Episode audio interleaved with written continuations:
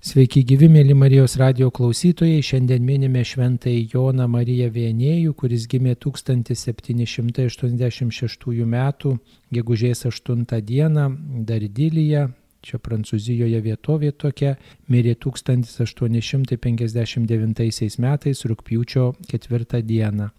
Taigi nuo jaunų dienų šis žmogus buvo nerangus vyrukas, bet norėjo tapti kunigu, o mokslai jam buvo sunkiai įkandami bet knygų jis imdavosi taip atkakliai ir taip užsispyrusiai, tarsi būtų koks kalnietis, kurie garsėja užsispyrimu. Ir kai prasidėdavo knygose filosofiniai samprotavimai, jis tiesiog negalėdavo niekaip jų pakomentuoti.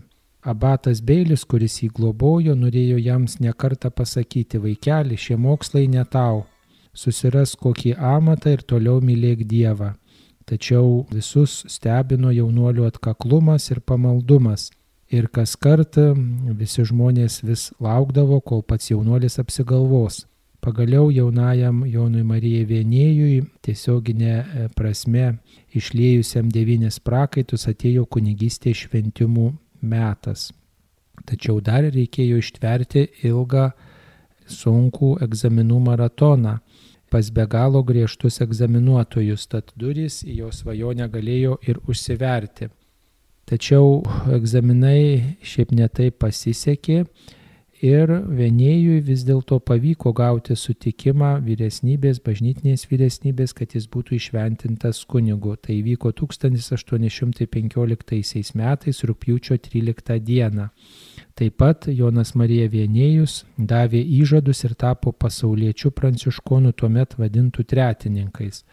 Tačiau Jonui Vienėjui buvo duotas tik leidimas aukoti šventasias mišes, bet neturėjo teisės klausyti iš pažinčių, nes per moralinės teologijos egzaminą jis taip susikirto, jog vyresnieji palaikė jį dideliu pavojumi tikintiesiems leisti sėstis į klausyklą.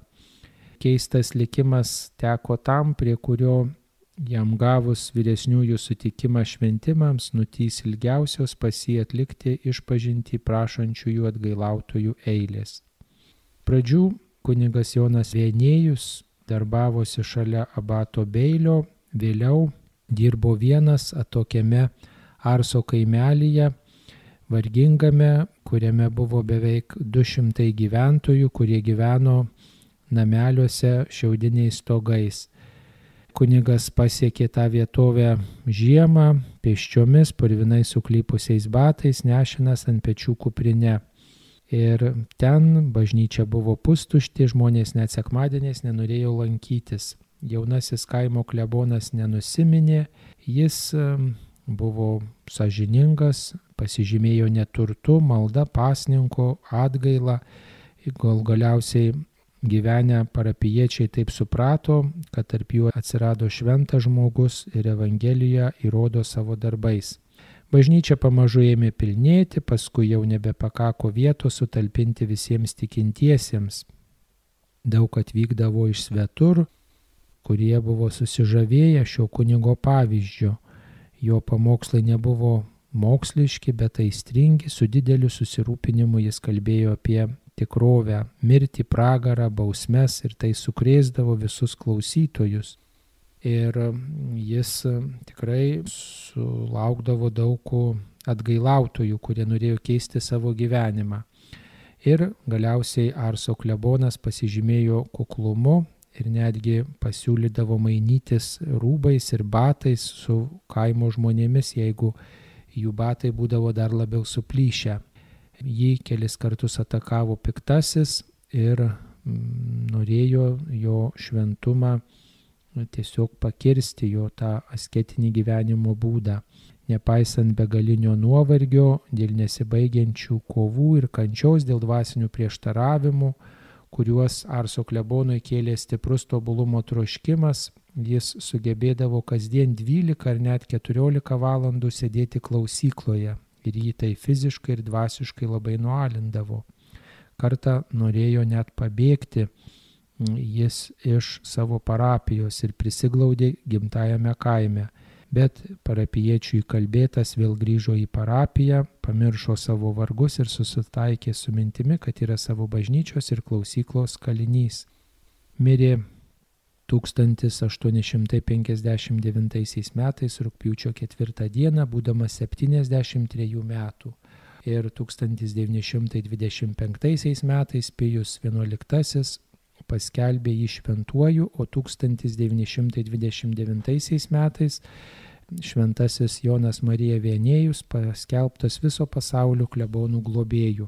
Taigi Švento Jono Marijos Vienėjaus dieną kalbamės su Utenos Kristaus dangun žengimo parapijos klebonu Algiu Neverausku, garbė Jėzui Kristui. Per amžius. Taigi jūs esate taip pat globojamas Šventojo Jono Marijaus Vienėjaus ir mm, esate uolus ir nuodėm klausys ir ne vienoj parapijoje dirbot klebonu ir netgi svečiavotės e, kaip piligrimas Arse, kur yra na, ta vieta sutraukusi daugybę maldininkų iš visos Prancūzijos, o gal net ir dabar net ir iš viso pasaulio atvykstančių kunigų ir žmonių norinčių prisiliesti prie šito šventojo paveldo. Tai gal prie to ir staptelkime, koks įspūdis nuvykus į Arsą, ko ten žmonės vykdavo. Kągi, mes kai vykom, irgi tokia buvo kaip ir piligriminė kelionė po Prancūzijos šventovės, ne tik Liurdą, bet ir Neverą, daugybę tuo pačiu metu ir Lizėje lankėmės. Tai kažkaip tai įtraukėme į savo kelionės tą maršrutą ir Arsą. Tik tai nuvykus iki Lyono žemėlapį to miestelio kaip ir nėra.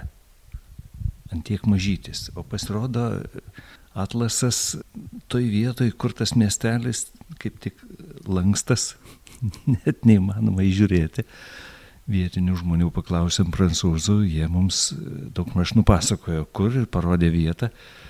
Iš tiesų, miestelis ir dabar likęs mažas kaimelis, nieko absoliučiai tiesiog neįsiskrintis iš daugybės tokių mažų kaimelių turinti savo bažnytelę be keletos parduotuvėlių ir keletos ten piligrimų namų ar keletą dalykų, jis nieko neįsiskiria. Iš tikrųjų, taip ir likęs kuklus, mažas prancūzijos kaimelis, bet paženklintas ypatingų ženklų.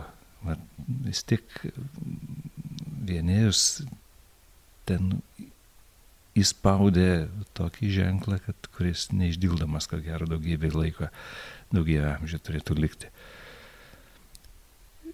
Aišku, lab, bažnytėlė labai mažytė, matosi, kad jį padidinta, nes jau to meto vienėjus bažnytėlė ir tuo metu tikriausiai, aš nežinau istorijos tos bažnyčios, bet faktas, kad ji buvo padidinta, turėjo piligrimai netilpti ir tuo metu.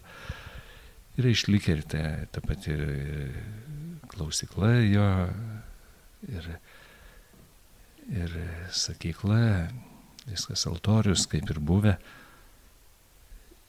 kažko tai ypatingo negalėtum pasakyti, kažkas tai wow, didžiulė šventovė. Ne, tai, va tas ir yra nuostabu, kad pati bažnytėlė taip ir išlikusi ir jo namai, kuris gyvenęs klebūnyje, tas namelis, jo paties virtuvė, jos, jo kambariukas, ačiū Dievui, taip viskas ir išsaugota.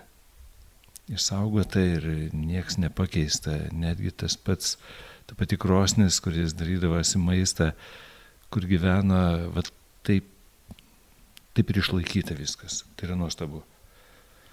Kas šiek tiek pačiam kaimelyje, galbūt tik tai va būtent piligrimam pritaikyti keletas tokių naujų statinių, bet jie nieko neįsiskiria iš aplinkos, iš paties miestelio, tikrai nesudarko paties vaizdo Tai viskas ir išlikė. Ko gal prašėt prie Arso klebono kapo, toje bažnyčioje melzdamasis, gal galit pasidalinti, bet tiesiog ar tik stebėjote ar ir ko prašėte iš Dievo, kad šiam šventajam užtariant kažkuo jūsų kunigystė būtų dar praturtinta, apdovanota. Tai be abejo, aišku, ta diena, kai mes buvom, tai buvo šiokedienis, vidury savaitės nieko ypatingo. Negalima būtų sakyti, kad ten piligrimų būtų buvę antplūdis. Tikrai ne. Buvo, bet tikrai ne, ne tie, kad, kad galėtum tikėtis. Aišku, kaip ir kiekvienas, ko gero kunigas, ko gali prašyti. Aišku, to paties šventumo, kuris, ko gero, kiekvieno jau ir seminaristo siekis, ir kiekvieno kunigo, tik tai aišku, laikui bėgant tie troškimai vėlgi apsineša dulkėmis. Bet ko gero man tai buvo svarbiausia prašyti, kad va, būtent to nudėmklausio dvasios pagalbos, kad Dievas per mane klausykloje veiktų, ko gero čia viena iš svarbiausių tokių kiekvieno kunigo tarnystės vietų nesu nei kažkuo tai ypatingas nuodėm klausys, tikrai neturiu šitos dovanos. Nu, tarnauju ir man tai kelia džiaugsmą, suprantu, kad Dievas tikrai klausykloje pasiskolina mane ir tiek. Ką jis ten nuveikia su žmonėm, nežinau, bet bent jau man per visą kunigystę ir netgi ne tik, kad per kunigystę ir anksčiau, Dar ir seminarijai išpažintis man buvo be galo svarbi. Man po šiai dienai labai rūpi ir labai skauda širdį dėl išpažinties. Dėl žmonių tokia ir nenoro eiti baimių įvairiausių ir pik, suprantu, kad kur ne kur, bet dėl atgailos sakramento velnės po šiai dienai dirba darbą įsijuosęs ir atrodo jam kartais neblogai sekasi. Kartais net neišmanau, kaip su žmonėmis kalbėti, kaip juos padrasinti, kaip juos, kaip tas baimės nuimti, netgi nežinojimo. Nu, žmonės ko tik nori prisikūrė, kad tai palengventi. Nežinau, kaip tai sekasi, bet tai čia iš tikrųjų vienas iš didžiausių rūpešių. Ko gero, gal kaip ir kiekvienam kunigui. Nes išpažinti Dievas laimė visų šimtų procentų. Aš suprantu, kad čia toks velnai pralaimėjimas viso jo darbo, viso jo triūso, ką jis ten įdėjęs, vargdamas su žmonėmis, o čia viskas sugriūna. Bet ką daryti, kad tie žmonės būtent nebijotų ateiti prie klausyklos, nebijotų kalbėtis net ir nieko nežinodami, nieko nemokėdami, pilni baimių, pilni visko, bet kad jie kažkaip tai išdrįstų ateiti.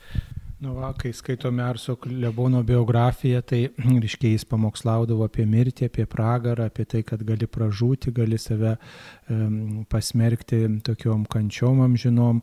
Žmonėms šitas kažkaip šiais laikais nerūpi, net jeigu sakysim, kad tu gali pražūti, tu gali atsidurti pragarę, sakys, ai, tu tamsybininkas, tu gazdini pragaru, tu, tu ne, nežinai, ko, ko nori, ko prašai, apie ką kalbi ir čia neverta tavęs klausytis ir tikrai nebus e, paskatintas tas žmogus atlikti išpažinti. O gal e, yra tokių atvejų, kai, kai štai kunigo pamokslas paskatino žmogų atlikti išpažinti. Ar jūsų praktikoje tokių atvejų buvę? Tik kiek atsimenu iš seminarijos, į seminarijos, e, kaip profesorius per vieną paskaitą pasakoja apie atsivertimą, tai labai gerai man yra įstrigę. Tai kad e, vienas tik pas kleboną ateina į Zakristiją žmogus, sako, va jūsų pamokslas paskatino mane atsiversti ir keisiu savo gyvenimą. Ir, ir, ir kunigas taip jau labai taip, nu tai kągi aš čia tokio ypatingo pasakiau, kad protingo tokio, kad jau čia tave paskatina atsiversti. Sako, klebonė, kai jūs pasakėt, va dabar baigiau vieną pamokslo dalį, o dabar pradėsiu kitą. Aš pagalvojau, kad man irgi būtų laikas, tikriausiai reikia tą kitą dalį gyvenimo pradėti. Tai čia ko gero tiek išminties, čia turėti pretenzijų, kad va jau čia kažką tai labai protingą pasakysi ir atsivers visas pasaulis, tai tokių pretenzijų paprastai seminarijai turim daug, turėjom. Paskui pamatai, kad e, nei ten labai daug ką išmintingo pasakai ir nelabai tas pasaulis skubinasi vartytis. Dažniausiai taip ir būna. Dievas veikia per pačius mažiausius dalykus ir man va, Arso klebonas tai čia yra vienas iš tų didžiausių pavyzdžių, kai Dievas per pačius mažiausius, o kaip per kokią kūdikėlį Jėzaus tereselę, ten kokią Bernadetą ar ten kokią Faustiną, kurie, nu, atrodo, pasaulio akise yra nu, Mes tai juos vadiname mažutėliais, Dievo mažutėliais. Pasaulis akise tai yra, nu, būtų visiškai nevykėliai, kurie neturi jokių, jokių argumentų ir jokių, jokių svertų.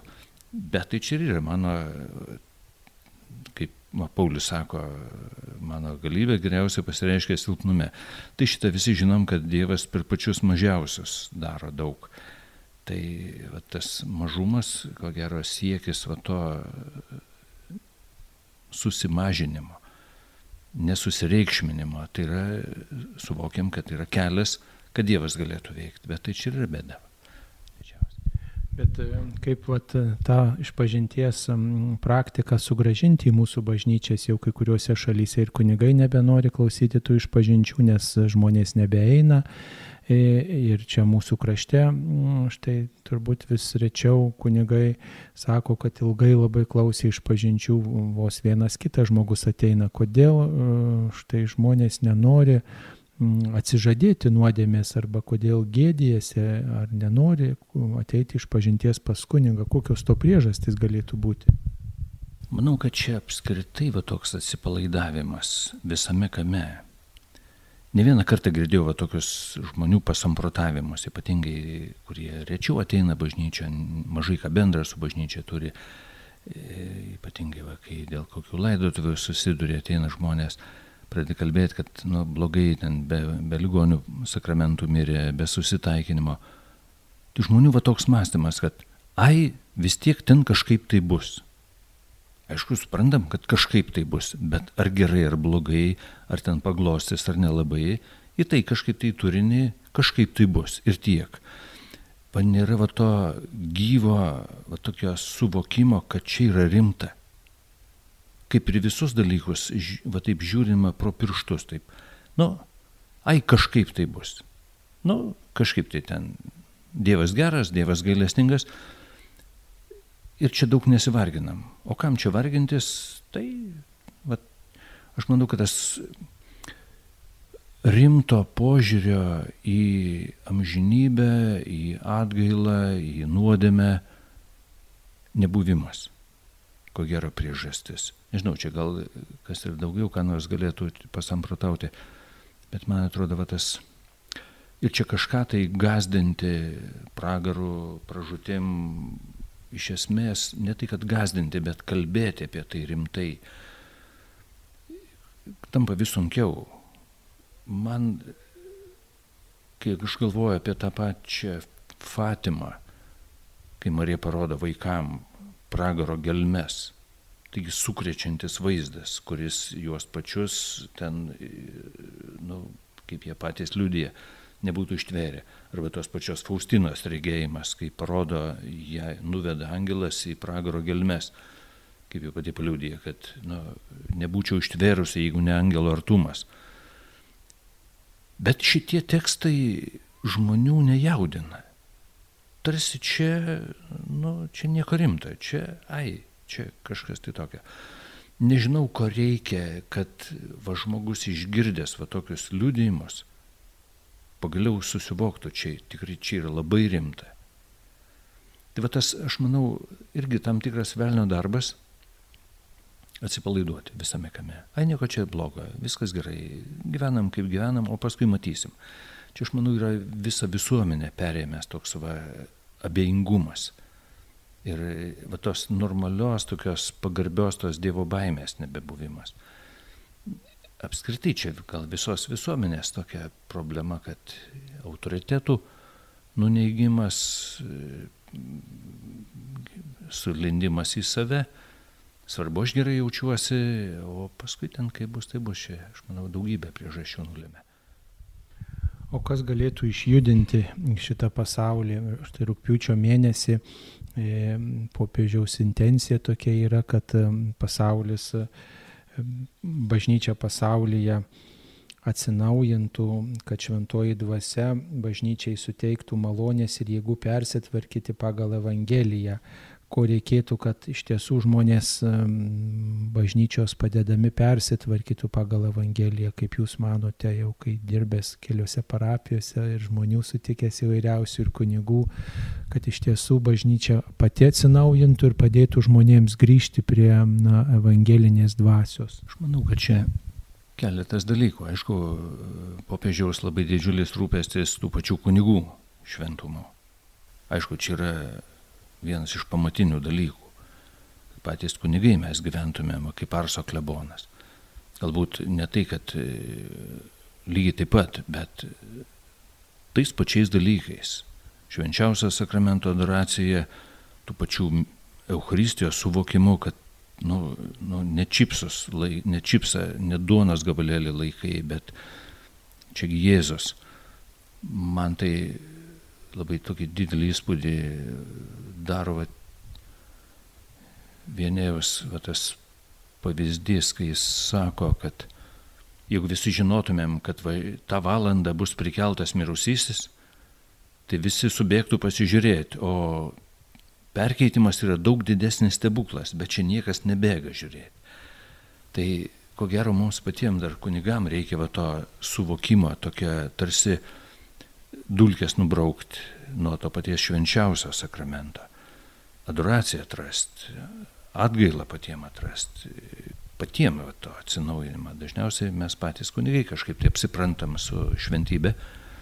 Tai ką darom, tampa įprasta, tai kasdienybė. Čia gal labiausiai ir vėlgi dar didžiulis toks pavojus, ko gero, man patiems kunigam, tai neatsilaikyti į pasaulio dvasiai pagal pasaulio tą visas vertybės ir dudelę šokti.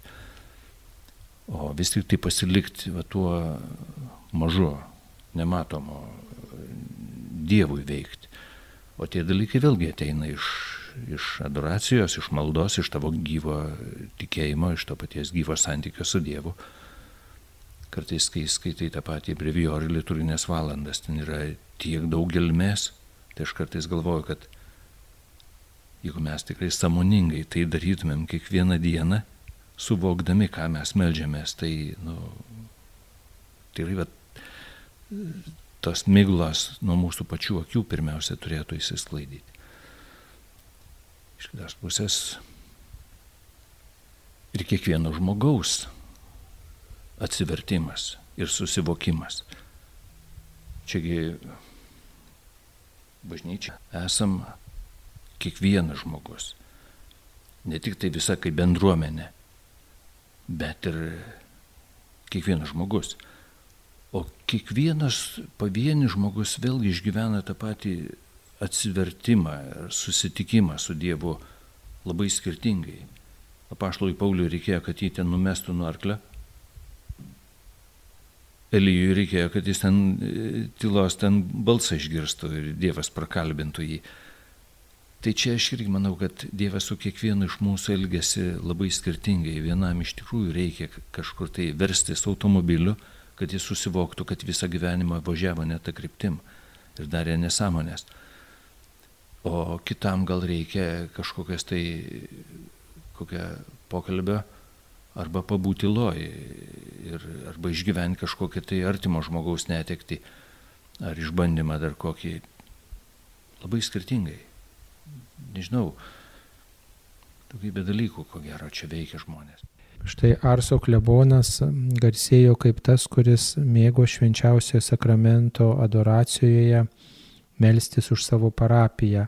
Ir dabar daugelį parapijų vyksta švenčiausio sakramento adoracija, tačiau mes pastebime, kad kartai žmonės tikrai negerbė švenčiausio sakramento Kaip manot, kas galėtų padėti atgaivinti tą eucharistinį pamaldumą mūsų parapijose? Manau, kad ir čia turėtų būti išeities taškas pats kunigas. Jeigu pats kunigas mėgsta adoraciją, tai prisijungiančių prie jo tikrai turėtų atsirasti. Gal net ne po dienos ir ne po savaitės ir ne po mėnesio, bet e, galbūt ir po eilės metų. Čia ko gero irgi tą sėklą reikia sėti ir, pats ko gero kunigas yra pats tikriausias sėjėjas toje vietoje. čia dabar organizuoti, kad va štai dabar darom adoracijas, susirinkit, o aš čia neturiu laiko. Na, tai būtų jokinga čia, ko gero, bet labai dažnai mes ko gero taip ir darom. Jūs čia melskitės labai gerai, kad melžiatės, bet aš tai čia, žinot, toks labai svarbus, tiek daug užsiemęs. Aš manau, kad čia išėties taškas. Aš suprantu, kad e, kunigai yra užsiemę, nu, bet kartais tas užimtumas irgi, nežinau kiek, kartais taip, bet kartais būna mitologija. Ir ko gero, gal nuo, nuo mūsų pačių, gal man pačiam nuo savęs pradėti reikia, o žmonės ateis atsiliepdami, nors ir tai visose parapijose, kur dirbau, tokių mylinčių švenčiausią sakramentą. Jų visą laiką buvo, jų visą laiką buvo, aš galėjau stebėtis tiesiog.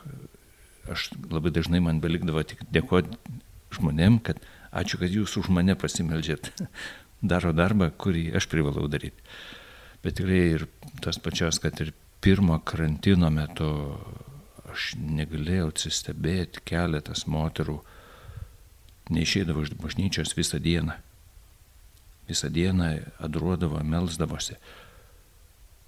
Tai tikrai ir tokių žmonių, aš manau, yra. Tik tai galbūt ir kai būna va tokia ta keliaujanti adoracija per parapijas atsiranda. Ir, aišku, aš manau, kad tų žmonių mažėja, bet vėlgi, aš manau, kad turime nenuleisti rankų ir tai, kas yra. Ir čia gal net nereikia didelių minių ir nereikia tikėtis, būtų naivu. Bet jeigu būna parapijoje keletas žmonių, kurie tikrai myli švenčiausią sakramentą, adoraciją, Ir jau tai yra va, tas raugas, kuris gali perkeisti. O jeigu dar kunigas prie to prisijungia, tai iš vis nuostabu. Kartais turbūt galvojame, kad čia nuo mūsų pastangų priklauso ir kartais atrodo štai ir tas Jono Marijos Venėjaus pavyzdys. Atrodo, kad žmogus buvo labai atkaklus, labai stengiasi, bet e, kita vertus galbūt tai yra tam tikra Dievo malonė, kad štai tokį paprastą žmogų viešpats išsirinko ir padarė visų klebonų globėjų, kuris vos vos gavo kunigo šventimus, kuriam vos vos leido klausytis iš pažinčių, kuris e, nebuvo įsilavinęs, o dabar yra visų klebonų globėjas, kad kartais ta Dievo malonė veikia ne ten, kur mes tikimės. Tai Gal reikia tiesiog labiau pasitikėti Dievu ir, ir tiek, o nematuoti viską mūsų žmogiškom pastangom, kaip manot. Tai čia kaip ir visur noras prisimti savo. Tai čia visų mūsų bėdų pradžia ir pabaiga. Dievas gyveikia. Man tai didžiausia įspūdį, ko gero vienas iš didžiausių įspūdžių Faustinos dienoraštį, kai Jėzus sako, Faustinai, aš būsiu klausykloje prisidengęs kunigu. Tai va čia ir pasibaigia tavo vaidmuo.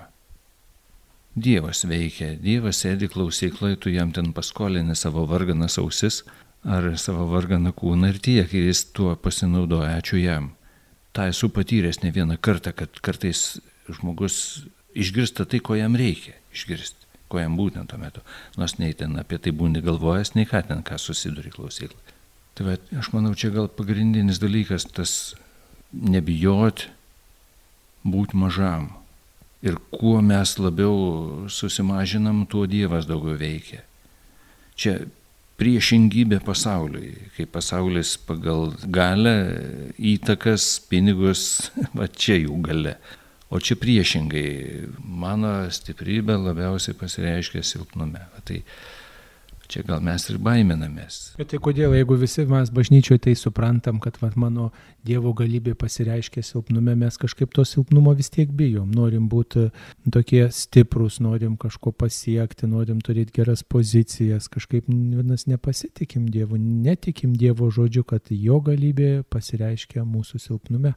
Kažkada tai esu skaitęs va tą mintį apie to paties vienėjos kad jis būtent prašo ir kviečia prašytis tvirto tikėjimo kaip pamato.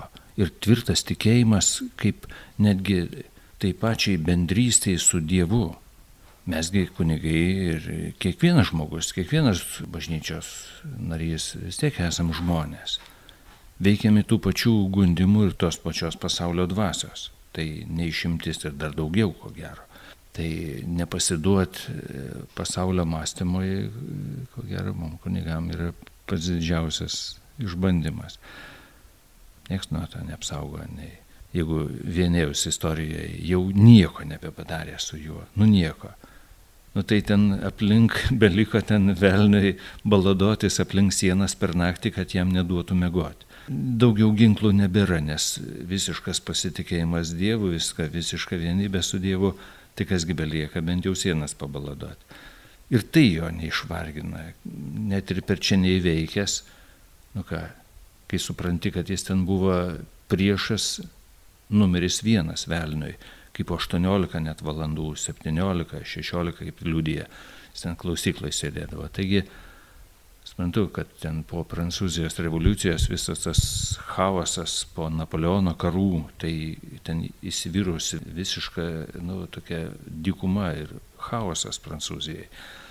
Ir čia va, atsiranda žmogus, kunigas, kuris va, va taip su Evangelija tiesiogiai Tai nėra ko stebėtis, kad žmonės tą kartą buvo iššalkusi tikriausiai Dievo, to alkio Dievui, ko gero visais laikais buvo. Tik gal, vėlgi, čia velnės irgi iš, išradingas. Vietoj to alkio pasiūlo dvasinę šiukšlės, o tų šiukšlių kaip niekad šitais laikais ypatingai daug. Tai tik tai, kur pasisuksi visokių mokytojų, šamanų, gūrų, ko tik nori. Tik kad neik čia, juk atrodo logiškai galvojant. Eik tiesiai į bažnyčią, atsiversk Evangeliją, eik tiesiai prie klausyklos, eik kalbėk su kunigu. Na ir tai yra kelias. Eik link Jėzaus. Tai ne, dar pirmą reikia išmaišyti visokiausias ten šiukšlinus, kai atsiranda poreikis ieškoti kažko tai daugiau negu kad būtis Šventasis Arso klebonas, kurį šiandien prisimename ir apie jį kalbame su Utenos Kristaus dangun žengimo parapijos klebonu Algiu Neverausku, yra ir visų pasaulio klebonų globėjas. Štai jūs, mielas kunigelgi, vykote Arsą, kur Jonas Marija Vienėjus dirbo ir kur yra palaidotas ir ten turėjote progos kreiptis į šitą šventą, į jo užtarimo, o daugiau savo tarnystėje ar prisimenat šį šventą ir kreipėtės į jį pagalbos savo kleboniškoje tarnystėje negaliu sakyti, kad būčiau labai labai toks pamaldus į vienėjo, bet niekada nepraleidžiu progos, jeigu tik būna kur nors spaudoji vienur ar kitur perskaityti ir, va,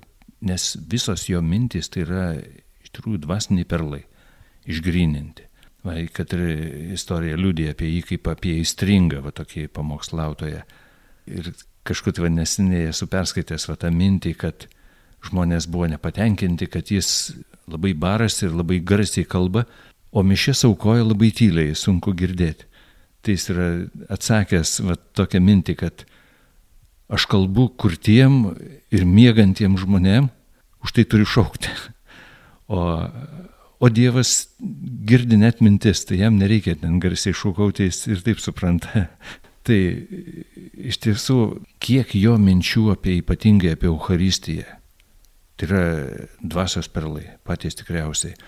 Apmąstymam, maldai gali pasisemti be galo daug. Sakau, nesu taip labai, kad labai dažnai prisiminčiau ir melščiausi jo užtarimo, bet šiaip prisimenu. Laikas nuo laiko ir ypatingai va, tokiam progom, ypatingai, kur spaudoji pasirodo, tikrai niekada nepraleidžiu Na dar Arso klebonas garsėjo tokiu stebinančiu neturtu, aišku, XIX amžius, kada jisai darbavosi, XIX amžiaus pirmoji pusė, tuomet gal žmonės ir kukliau gyveno ir Prancūzijoje, aišku, kaimas, ten taip pat nebuvo tų išteklių tuo metu. Tačiau vis tiek stebina, kad nepaprastai prie tą neturtą vertino, valgė tenai virtas bulves, šaltai miegodavo, kietai miegodavo, na, mums kunigams nėra įprastas neturto įžadas, ne mes neduodam kaip vienuoliai neturto įžado ir čia gal kartais papiktinam žmonės, nes ar prabangesnė mašina pasitaiko vieno kito kunigo ir dažnai tas bado žmonėms akis. Kaip manot, kodėl kunigai štai nepasirenka neturto kaip tokio pavyzdžio tapatinti su Kristumi, už tai galbūt tai irgi yra viena iš priežasčių, kodėl ta evangelinė dvasia neprasismelkia iki mūsų širdies ir mums gal sunkiau sekasi nešti tikėjimo žinę. Ko gero, gal mes nesam perpratę neturto kaip Dievo dovanos ir kaip būtinybės evangelizacijai. Aš pats neseniai, va tik tai perskaičiau Silvano Faustė komentare, kai jis aptarė būtent tą apaštalų misiją ir liepė jiem nieko neimti. Nei pinigų, nei krepšio, nei dviejų palaidinių, nieko. Jis ten sako, kad neturtas yra būtina sąlyga evangelizacijai. Man pačiam tai tokia tarsi naujas toks suvokimas. Aš galvoju, kad apie tą patį neturtą aš per mažai esu mąstęs. Ir ko gero daugeliu iš mūsų neturtas nėra tapęs mūsų kunigystės savastimi apaštalų siuntimas, dvylikos, tai yra iš tiesų evangelizacijos instrukcija. Tada, kai tu nieko neturi, tada tu pasitikė Dievu, vieninteliu, visas viltis sudėdė į jį, o ne į sąskaitą bankė, kad tave išgelbės tada, kai bus bėda. Tas mąstymas yra tiesiog persmelkęs, ko gero, visą mūsų visuomenę. Bet tai irgi tam tikras netikėjimo reiškinys nepasitikėjimo Dievu, bet pasitikėjimo kitais dalykais. Iš esmės Dievas yra tai, kuo tu tiki, kuo tu pasitikėjai, ką dedi viltis. Ir tai dažniausiai nebūna Jėzus. Bet visai kiti dalykai, būtent ekonomika, socialinės garantijos, sąskaita bankė, tai yra dažno žmogaus Dievas, į ką žmonės sudedam viltis, net ir bėdos atveju. O Dievas, nu gerai, jis yra, tvarko, jis netrukdo, labai gerai, kad jis palaimina, gerai, kad išklauso, bet jis nėra tas, į kurį mes remtumės visais gyvenimo atvejais. Tai čia, ko gero, tas neturto kaip dovanos suvokimo trūkumas. O ko reiktų, kad e, na, vat, dvasininkai atrastų neturtą, neturto vertybę, neturto dovaną, net ir vienuolynuose turbūt neretai tai tampa tokiu iššūkiu, kad apskritai vertintume tą kuklų gyvenimo būdą, tą paprastumą, kuklumą, ko reiktų.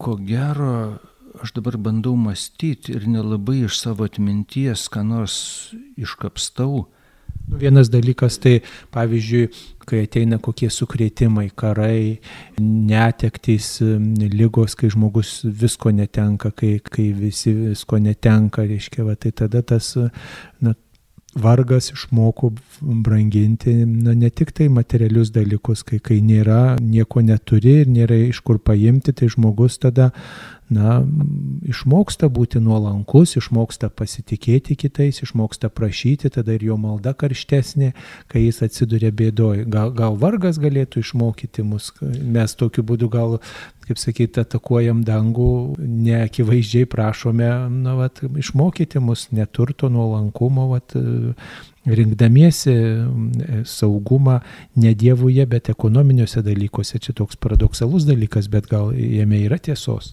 Bet aš nelabai atsimenu kokiu nors rekolekcijų, kad ir mum kunigam ar seminarijai, kad būtų kalbama apie neturtą, kaip dovaną, kaip būtinybę. Kalbam daug apie ką. Apie Evangeliją, ten daugybę ten evangelinių dalykų tvarkoji, bet va neturto kaip tokio, tarsi čia būtų tik tai vienuolių reikalas. O mes tarsi nuo to esame atpalaiduoti, čia ne mūsų reikalai. Bet iš esmės aš dabar pradedu suprasti, kuo toliau, tuo labiau, kad e, tai turėtų galioti visiems, visiems kunigams. Ir visai bažnyčiai. Iš tikrųjų, va šitą prasme, popiežius Pranciškus rodo bažnyčiai nu, tobulą pavyzdį, išmuša iš vėžių daugybę. Ir jau būdamas vyskupu, kai skaitom, girdim apie jį, apie jo važinėjimą visuomeniniu transportu ir neturėjimo nei namų ten savo, nei ten šeimininkės nieko. Tai gal jis nebuvo labiau, mažiau užsėmęs už mus, kunigus, kasdien va, dirbančių savo darbą. Gal daugiau čia irgi pačioje ir kunigų formacijoje, seminaristų formacijoje, daugiau vietos, ko gero, turėtų atrasti būtent neturtas kaip dovana, o ne kaip prakeiksmas. E, bet pagalvokim dabar, e, štai Jonas Marija Vienėjus gyveno XIX amžiuje, darbavosi kaime, tada nebuvo nei elektros, nei interneto, nei telefono ir to visko nereikėjo, o dabar pabandyk neturėti telefono, pabandyk neturėti elektroninio pašto, tam, kad turėtum elektroninį paštą interne, ir, ir būtum pasiekiamas, reikia mobilaus telefono, reikia e, kompiuterio, kuris sensta greitai, reikia internetinio ryšio, tam, kad galėtum vienur ir kitur nuvykti ir tučtojau, reikia automobilio, kuris taip pat sensta, tai tada renkamės naujesnį, kad mažiau reikėtų remontuoti. Dar kažko va taip apaugi žmogus įvairiausiais daiktais ir, ir tada dar susidurėme su tokia gal ir pašaipa kitų, ką čia suprastų naudosies, ką čia su, su tokiu negražiu, tokiu netinkamu, reikia, reikia tokį jau naujesnį, šio laikiškesnį, tada tas spaudimas toksai ir va štai vis visa tokia paletė tų visų tokio spaudimo, tų visų nuostatų, kurios visus veikia, kaip manot. Ir gal neįmanoma tą neturtą dabar taip įgyvendinti tokioj pačioj dvasioje, kaip tuo gyveno šventasis Jonas Marija Vienėjus XIX amžiuje. Aš manau, kad įmanoma. Čia yra viso labo tik daiktai, kurie tau gali padėti. Padėti gyventi ir padėti tą pačią savo misiją vykdyti. Faktas, aptarnaujant kelias parapijas be automobilio nu, sunkiai manoma būtų. Bet kad jis ten būtų paskutinis mados klyksmas, nu gal ir nebūtina. Nežinau, man keletą kartų esu susidūręs tokiu netgi pačių parapiečių šiek tiek tokiu užuominam, kad nuklebonė jau gal reikėtų geresnės, jau čia, nu visiems akis bado, kad jau čia, jau kledaras visiškas. Man niekada tai nebadė akių, man automobilis buvo darbo įrankis, visą laiką nelabai suprantu ten naujausių, ten kokių, nežinau, kad tavo kūną nuvežtų 10 km, nebūtina ten kažkokio džipo kaip žvėrės, kuris ten galėtų, nežinau, laukus arti savo jėgą. Tai čia vėlgi tam tikras netgi žemės išteklių naudojimas visiškai nebeatsakingas. Va šitoj vietoj prasideda jau kiti dalykai ateina. Aš manau, kad čia yra pastovus darbas. Neusikabinti. Nepasikabinti ant to, kuo žaidžia pasaulis. Labai padeda, ko gero, pasižiūrėti iš viršaus, iš kokią nors televizijos bokštą užlipus į tuos visus mažus namelius, tas mažytės mašinytės. Ir kai supranti, kad dėl tų dalykų žmonės pykstasi, greuna savo ir kitiem gyvenimus, dėl kažkokio tai metalo gabalo, kuris šiandien labai labai madingas, o už dešimties metų tai bus visiška atgyvena. Kai supranti, kai dėl kažkokio tai Audi 7 automobilio nužudo merginą prieš keletą metų, matant dabar šitą modelį, supranti, ar verta dėl šito laužo buvo žudyti žmogų, tai nelabai telpa tie dalykai į galvą. Nežinau, čia ko gero pastovus darbas, kad nepasiduot pasaulio mąstymui, kad čia yra kažkas tai tokio. Tai yra, ačiū Dievui, yra patogumai, yra palengvinimai, tas pats internetas, tas pats elektroninis paštas, jie būtinybė, šiandien be tų dalykų nelabai išeina gyventi, bet tai ar vienoks ar kitoks ten telefono aparatas ar ten paskutinis mados kliksmas, ar ne, dar nelabai, ką tai keičia iš esmės. Nežinau. Taip, taigi minėdami šventąjį Joną Mariją Vienėjų turim progos pakalbėti ir apie maldos e, tokios pilnos pasitikėjimo prasme, apie kuklumą, neturtą, apie išpažinti ir apie daugybę kitų dalykų, kurie buvo svarbu šventajam Jonui Marijai Vienėjui. Jį minime šiandien, rūpiučio ketvirtą dieną ir linkime, kad kiekvienas kunigas tikrai būtų apgaubtas Jono Marijos Vienėjaus globa ir pasimokytų iš šio šventojo tai, ką galima būtų pritaikyti ir šiais laikais. Mėly Marijos radio klausytojai, šioje laidoje šventojo klebono ir klebonų globėjo Jono Marijaus Vienėjaus dieną kalbinome Utenos Kristaus dangų žengimo parapijos kleboną kuniga Alginė Verauską. Ačiū Jums ir Dievas te globoja Jūs ir Jūsų parapiją. Ačiū, būkit palaiminti visi.